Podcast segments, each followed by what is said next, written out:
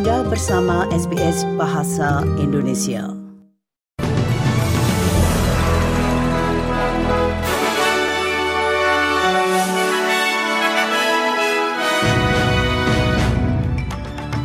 Berita terkini untuk SBS Audio Program Bahasa Indonesia untuk Rabu 8 November 2023. Masyarakat Bulan Sabit Merah Palestina atau PCRS menuduh pasukan Israel menargetkan konvoi kemanusiaan di kota Gaza. Organisasi kemanusiaan tersebut mengatakan dua truk rusak dan seorang pengemudi luka-luka ketika serangan terjadi kepada lima truk yang membawa obat-obatan ke fasilitas kesehatan seperti Rumah Sakit Al-Quds. Sejauh ini, pemboman tanpa henti yang dilakukan militer Israel di jalur Gaza telah menewaskan lebih dari 10.000 orang, sekitar 40 persen di antaranya adalah anak-anak, menurut Kementerian Kesehatan Gaza. Meskipun ada korban jiwa di pihak sipil, namun Israel menolak genjatan senjata sampai semua sandera yang disandra oleh militan Hamas dibebaskan. Juru bicara Angkatan Bersenjata Israel Daniel Hagari mengatakan tidak ada rencana untuk menghentikan kekerasan di wilayah tersebut. Hamas terrorists are telling themselves that there will be a ceasefire. There is no ceasefire. We continue forward. We are focused on the attack in Gaza, and at the same time, we are operating simultaneously in each of the sectors in the north. Pakar keamanan cyber mengatakan pemadaman Optus secara nasional menyoroti rapuhnya jaringan komunikasi Australia. Optus mengatakan para insinyurnya sedang menyelidiki kesalahan jaringan yang menyebabkan jutaan bisnis dan pengguna telepon seluler di Australia tidak dapat melakukan atau menerima panggilan dan tidak mendapatkan layanan internet.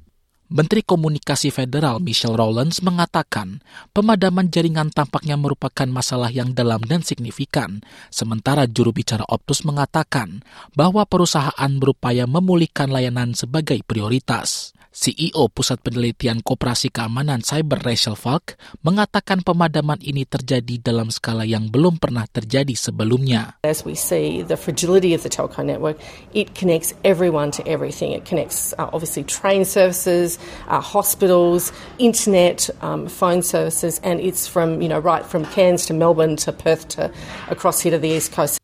Sementara itu, Triple Zero menyarankan pelanggan Optus untuk menghubungi saluran bantuan dari ponsel mereka, karena Australia terus terkena dampak pemadaman layanan telepon seluler dan internet secara nasional. Menteri Komunikasi Michelle Rollins mengatakan dalam konferensi nasional tentang pemadaman jaringan yang pertama kali dilaporkan sekitar jam 4 pagi hari ini bahwa Triple Zero beroperasi secara normal di perangkat seluler Optus, tetapi tidak di telepon rumah. CEO Optus Kelly Bayer Rosmarin mengatakan kepada ABC Sydney bahwa perusahaannya masih mencari segala cara yang mungkin dilakukan karena masalah mendasar yang belum terselesaikan. Pemadaman jaringan terus berdampak pada jutaan pelanggan dan layanan penting di Australia, dengan pusat panggilan dan saluran telepon servis New South Wales di rumah sakit di Sydney dan bagian utara Melbourne juga terputus. Roland mengatakan dia tidak memiliki informasi untuk mengkonfirmasi bahwa pemadaman tersebut disebabkan oleh serangan dunia maya. Namun hal tersebut merupakan masalah sistemis yang mendalam. It has uh, occurred uh, deep within the network. It has wide ramifications across mobile, fixed and broadband services for Optus customers.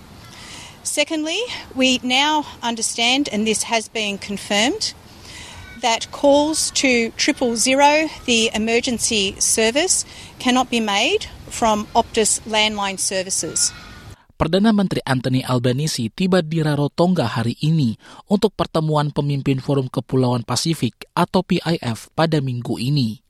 Perdana Menteri akan bergabung dengan para pemimpin dari 18 negara Pasifik untuk menyepakati langkah-langkah dalam mewujudkan strategi 2050 untuk benua biru Pasifik, karena mereka ingin menunjukkan bahwa tanda-tanda perpecahan di Pasifik sudah berlalu.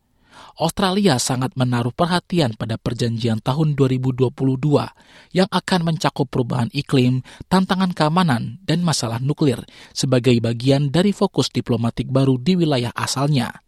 PIF sebelumnya terhambat oleh ancaman pemogokan dan ketidakhadiran dengan Perdana Menteri Kepulauan Solomon Manasseh Sogavare yang tidak hadir pada tahun ini menyusul semakin eratnya hubungan antara negara Kepulauan Pasifik dengan Tiongkok.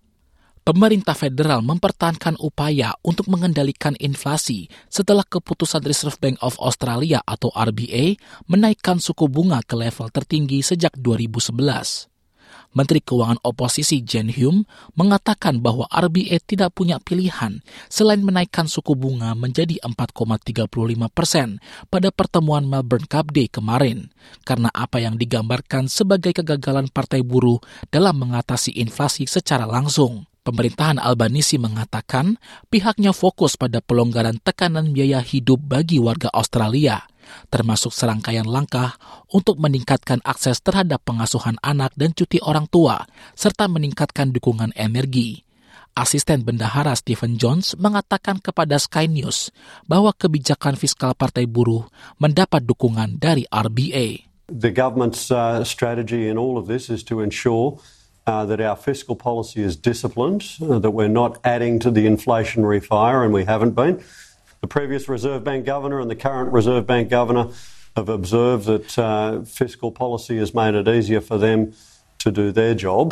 Badan Antariksa Eropa mengatakan gambar pertama yang dirilis oleh teleskop Euclid hanyalah awal dari misinya untuk memahami alam semesta.